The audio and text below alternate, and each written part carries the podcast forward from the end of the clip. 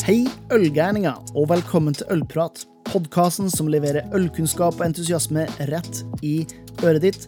Mitt navn er Jørn Idar, og i dag så skal jeg være litt navlebeskuende. Jeg skal rett og slett gjøre en liten oppsummering av 2020, eller mer spesifikt, jeg skal gjøre en liten review av mine seks spådommer for 2020. Ble det mer bitterhet i IPA-ene? Og fikk vi egentlig se flere øl med lokale ingredienser i seg? Det skal vi prøve å finne ut i dagens lille bonuspodkast. Før vi setter i gang, så må jeg jo bare si tusen takk til alle som støtter podkasten på patrion.com. Det gir både energi, motivasjon og ikke minst muligheten til å fortsette det her gospelet som jeg kaller eh, ølprat. Skal også gi en liten shout-out til de 3000 følgerne som jeg nå har fått på Facebook. Det er helt kanon å se så mange følge sida. Og ikke minst, hvis du vil ha oppskrifter, artikler og alt det her godsakene, så kan du sjekke inn hoitskom.com. Der finner du det aller meste som jeg holder på med. Jeg tenker at det er nok snakk, det er på tide å fylle kaffekoppen eller ølglasset og lene deg tilbake mens du nyter denne episoden av Ølprat. Den første spådommen jeg gjorde, var å spå mer IPA, men med mer bitterhet. Og jeg har gått gjennom eh, lanseringslistene til Vinmonopolet, og totalt har jeg funnet 48 IPA-er fra norske bryggerier som ble lansert i 2020. Der skal det sies at 21 av dem var i den kategorien bitre IPA-er, mens 27 var i juicy, altså IPA her, med lav bitterhet, men med masse humlepreg. Så jeg må vel innrømme at uh, der gikk på en liten smell og hadde ganske så feil. Interessant nok så uh, var de meste av IPA-ene lansert i siste halvdel av 2020. Som betyr at folk vil tydeligvis brygge og drikke IPA-er mot slutten av året, og ikke mot våren, som man kanskje skulle tro. Så første spådom, mer IPA, var rett. Mer bitterhet, det var feil. Fikk også se mer Quake-IPA-er, og det syns jeg er en veldig positiv ting, at vi får mer norske råvarer inn i det hele. Mer om det etterpå. Min andre spådom var at vi kom til å se mer øl og mat i 2020. Og her eh, må jeg jo faktisk innrømme at jeg var jo ganske ærlig og sa at det var et mer personlig ønske. Eh, men jeg kan vel eh, være helt ærlig på å si at det ikke var noen suksess. Det var ikke mange som jeg så hadde fokus på øl og mat i 2020. Selvfølgelig, korona hadde mye å si, siden både bryggeriet måtte omstille seg, og ikke minst restaurantbransjen men totalt sett så var den oppmerksomheten øl og mat fikk på det norske ølmarkedet, ganske mye mindre i 2020 enn eh, en årene før. Eh, trist, men eh, sånn er det. Jeg skal i hvert fall ikke slutte å snakke om øl og mat, fordi at ja, det er jo noe jeg brenner for, og det håper dere har forstått litt etter hvert også. at Har dere lyst på litt oppskrifter og lignende, så er det bare å sjekke ut høyskum.com. Min tredje spådom for 2020 var at vi kom til å se flere konkurser. Her må jeg faktisk være veldig ærlig og si at det er overraska og sett at uh, det har vært mindre konkurser enn jeg hadde sett for meg. Jeg tror faktisk jeg kan telle dem på ei eller to hender. Uh, det er litt uh, overraskende med hensyn til hvor mye markedet endra seg i 2020, men jeg tror det er et par eh, ting som spiller inn basert på de samtalene jeg har hatt med norske bryggerier, og, og det jeg observerer. Altså, er jo selvfølgelig det at staten gjennom eh, koronaen ikke har eh, krevd inn eh, eh, så mye som vanlig. Det er mye utsatte betalinger. Og de som ikke har vært eh, mulig å betale, de har jo faktisk eh, ikke blitt eh, tvangsnedlagt, da, eller satt til konkurs, da.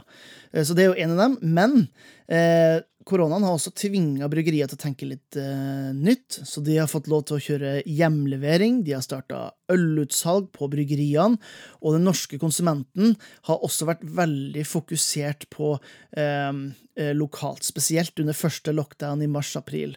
Så eh, flere konkurser, der fikk jeg heldigvis feil, og så får vi se da om 2021 har noe annet å by på. Eh, gledelig i hvert fall å se at mange kan rapportere salgsøkning, faktisk, til tross for alt.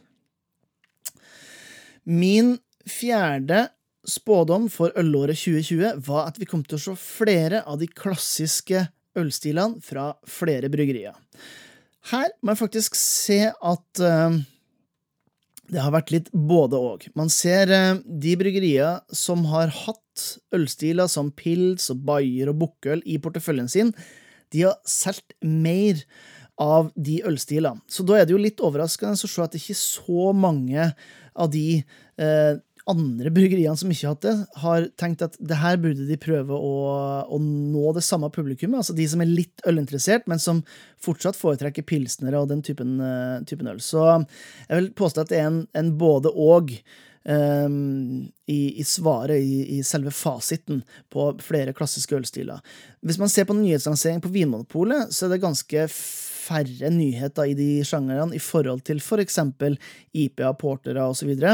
Um, men eh, det er ikke noe tvil om at pils, uh, bayere og den typen ting er Eh, tradisjonelle ølstiler som de store bryggeriene har solgt mye mer av, men som også har et helt klart publikum eh, som en sånn her gyllen middelvei mellom eh, ølnerdene og de som bare er øldrikkere.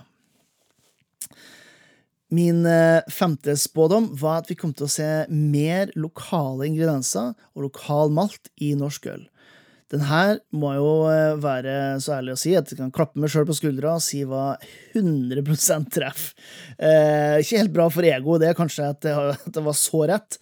Eh, men Kveik har uten tvil eh, hatt eh, et stort fremtog i 2020. Eh, men kanskje viktigere av alt, vi har fått flere malterier som har økt volumene sine til de grader. Man ser eksperimentering, man ser utvikling på maltprosessen hos de her. Og eh, jeg snakka med Tom Young i Nøgnø, for de har jo signert en avtale med Norsk Malt, altså Stor Gålås gård, om levering av norsk malt til eh, Nøgnø. Han kunne dessverre ikke si noe om spesifikka, men vi snakker om titalls tonn i året som skal leveres til Nøgnø. De har jo også laga en fantastisk øl som heter Nordic Noir, som jo er laga 100% på norske ingredienser. En fantastisk uh, spennende øl, som er en slags fortsettelse av Dark Horizon-serien til Nøgne. Uh, men det er ikke noe tvil om at der er fokuset lokale ingredienser og lokal malt. Uh, ja, Gulrøtter har jo vært brukt i flere brygg, har jeg sett opp gjennom 2020. Imperial gulrot gåse fra Drumbrew er jo blant annet nominert til Årets øl. Eh, man har sett eh, andre ingredienser brukt opp i, alt fra aurora til eh, bringebær, epler og i hele tatt. Så mer lokale ingredienser og mer lokal malt, gjær osv., det er noe som 2020 virkelig leverte på. Min sjette og siste spådom for ølåret 2020 var at vi kom til å se inntoget av hard seltzer. Og her, igjen, 100% treff. Her var jo Sju Fjell og Ægir veldig tidlig ute og lanserte sine allerede i første vindu, altså i januar-februar, og det tok ikke lang tid før både Ringnes og Hansa fulgte etter eh, mot eh, våren der.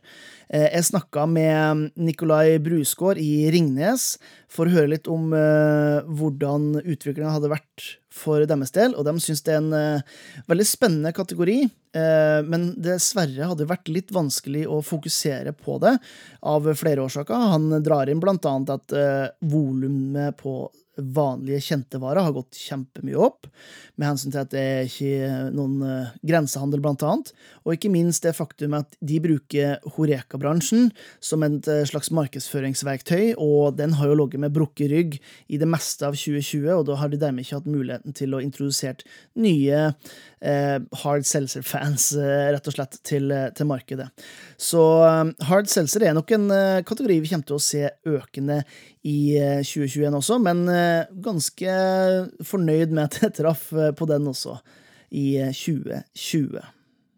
Og med det så har jeg da oppsummert mine spådommer for 2020, og om jeg traff eller ikke.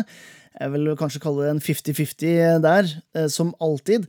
Men det har jo vært et litt annerledes år enn jeg så for meg når jeg tok opp den podkasten 8. januar, for å si det mildt. Med, med Jørn Idar så har det jo òg skjedd ganske mye i 2020, for å si det sånn.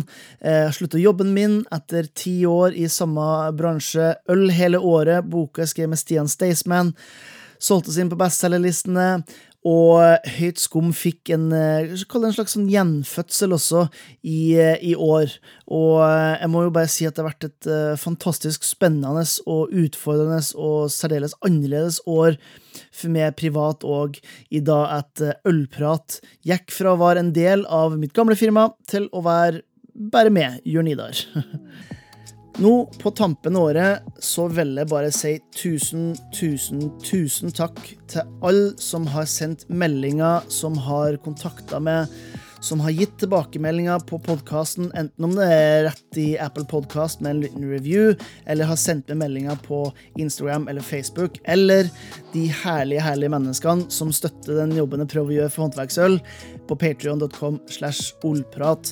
Ehm, jeg syns det har vært fantastisk morsomt. Jeg har fått snakka med masse herlige, kunnskapsrike mennesker gjennom hele året, og jeg gleder meg til 2021. Jeg kan vel allerede nå avsløre at det kommer til å bli ganske annerledes enn 2020. Eh, og eh, vi starter med en liten crosspod med Mikael Tengesdal og Øyvind Tveit i eh, Ølvertene, der vi skal gi våre spådommer for 2021. Så det kan jo være noe å se fram til i starten av januar.